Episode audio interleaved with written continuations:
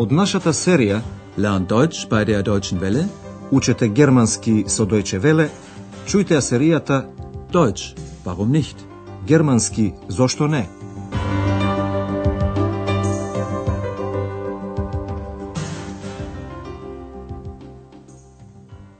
Herzlich willkommen, liebe Hörerinnen und Hörer. Добар ден, почитувани слушателки и слушатели. И добре дојдовте во втората серија на нашиот радиоговорен курс Deutsch warum nicht? Германски зошто не? Во денешнава прва лекција под наслов Кој си ти? Веа bist du? Ќе повториме две работи. Како прво, техниката што ќе ви го олесни разбирањето на германскиот јазик. Како второ, ви ги представуваме главните личности уште еднаш. Во врска со ова, даваме една загадка која е наменета посебно за оние што веќе ја познаваат првата серија. Ако сакате да учествувате во ова, тогаш ќе ви биде потребно нешто за пишување. Меѓутоа, за се во ова ќе ви информираме нешто подоцна. Доста зборувавме, почнуваме со првата сцена. Исто како и досега, чујте една акустична задача. За што всушност станува збор? Einmal Vorlage geben, dann abgespielt zu Breme. Breme, was macht er? Tor! Tor! 2 zu 0 durch Breme! Tor! Welch ein Tor! Ein italienisches Tor! Дали чувте дека станува збор за пренос од фудбалски надпревар? Ке ви обрнеме внимание на една важна работа. Ако нешто не разбирате на германски, тогаш обидете се да најдете поврзаност од општата ситуација. При слушањето направете слика за ситуацијата, што сигурно ќе ви помогне. Исто така, во изучувањето на јазикот ќе ви помогне ако обрнете внимание на оние зборови што се исти во вашиот мајчин јазик или нив ги знаете од некој друг познат странски јазик. Употребете го ова во следнава втора сцена. Обидете се да разберете што бара жената. Entschuldigen Sie bitte, wo ist das Avanti-Theater? Das Avanti-Theater. Das Avanti-Theater, nein, das weiß ich nicht. Дали чувте дека жената бара определен театар, теата? Таа го бара театарот Аванти. За жал, човекот не може да ја помогне, бидејќи и самиот не знае каде се наоѓа театарот. А сега да се вратиме на главните личности на нашиот радиоговорен курс. Hallo. Hallo. Da bin ich. Што еден веќе се истуркал пред нашите личности. Го слушнавте гласот на една имагинарна личност. Исто така и името му е фантастично. Се вика Екс, што на латински значи излегување, испаѓање. Екс се вика така затоа што испадна од една книга, од книгата за вредните джуджиња од Келн, која Андреас ја читаше во тој миг. На прашањето на зачудениот Андреас, кој си ти, тој едноставно рече, јас сум јас. А сега, чујте ја спомнатата сцена. Wer bist du? Ich bin. Wer bist du? Ich. Во оваа сцена ја чувте главната личност на радиокурсот. Андреас Шефер.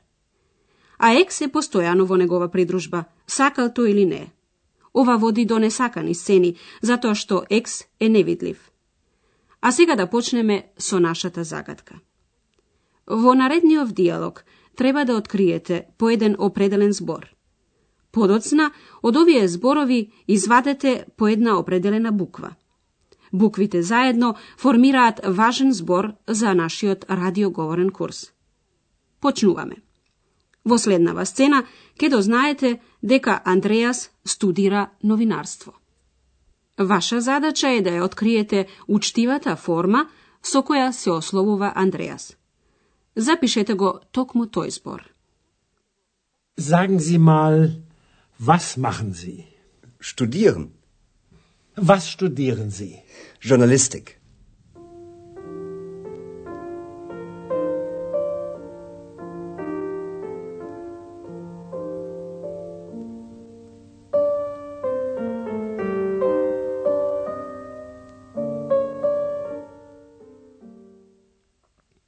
Андреас значи студира, но со студирање не може да се заработат пари. Токму затоа Андреас почна да работи една работа со која заработува пари. За тоа што работи, ке чуете од наредниот диалог од првата серија. Ваша задача е да откриете што работи Андреас. Ве молам, запишете го и овој збор. Sie sind neu hier, oder? Ich glaube, Sie sind der Portier. Stimmt. Und ich bin Student. Was denn? Student oder Portier? Student und Portier.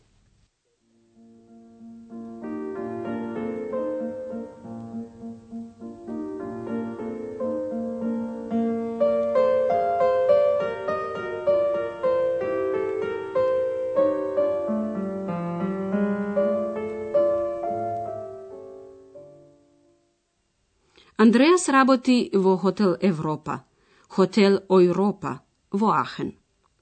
Таму исто така работи и Хана, чиј глас веќе го слушнавте. Андреас и Хана се запознаа во последната сцена. Хана се уште не знае дека Андреас е студент. Чујте го овој дел на диалогот уште еднаш. Како гласи прашалната заменка? Ве молам, запишете го тој збор. Und ich bin Student. Was denn? Student oder Portier?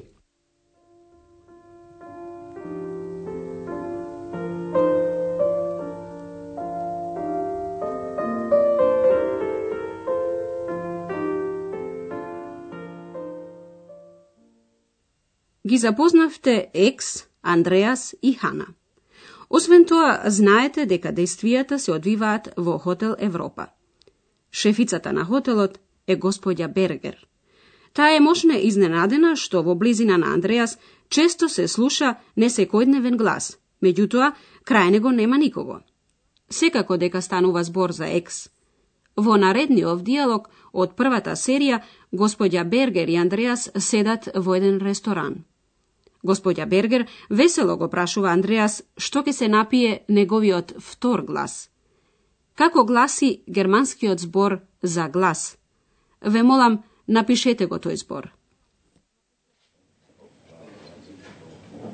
Ich trinke ein Mineralwasser. Und Sie? Ein Bier. Und Ihre zweite Stimme? Einen Orangensaft. Ziemlich frech, Ihre zweite Stimme.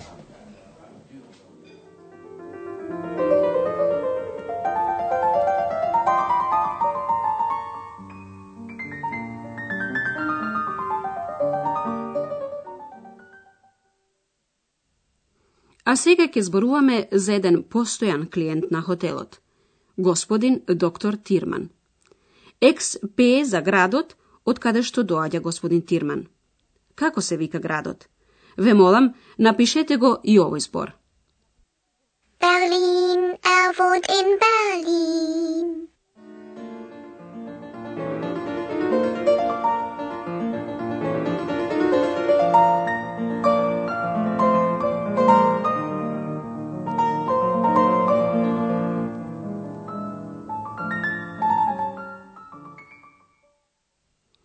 Значи, во овој град живее доктор Тирман. По професија е лекар. Чујте го лично во една сцена од првата серија при прегледувањето на еден пациент кој се жали на нозете. Доктор Тирман го смирува, велејки му дека има грип и дека не е ништо страшно. И двајцата, доктор Тирман и пациентот, употребуваат еден збор што нагласува дека нешто е посебно тешко, лошо. Како се вика зборот? Ве молам, Napišete go to izbor. Aber meine Beine, meine Beine sind so schwer. Nun, Sie haben eine Grippe. Ah. Das ist nicht so schlimm.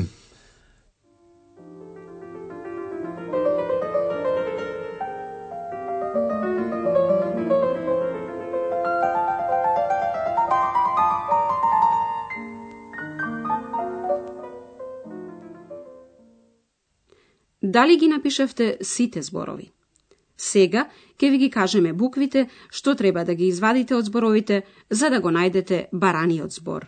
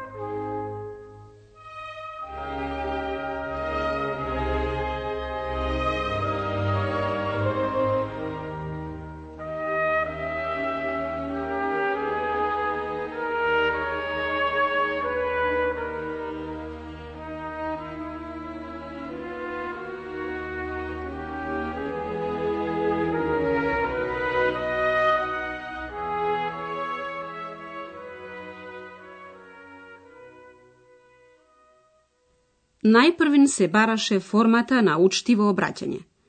Таа гласи зи, вие. Заокружете ја првата буква од зи. Sie. Was machen Sie? Како второ се бараше работата што ја врши Андреас. Тој своите пари ги заработува како портие. Заокружете ја втората буква од портие. Portier. Ich glaube, Sie sind der Portier.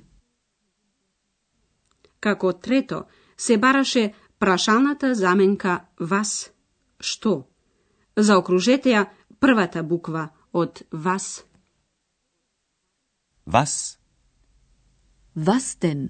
Student oder Portier? Како четврто се бараше германскиот збор за зборот глас. Тој гласи штиме.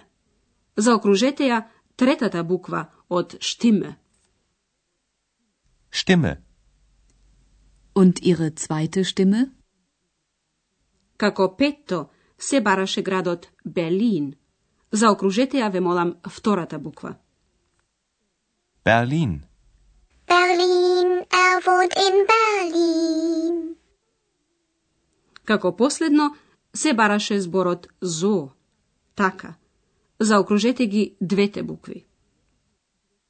So. Das ist nicht so schlimm. Еве го решението на загадката.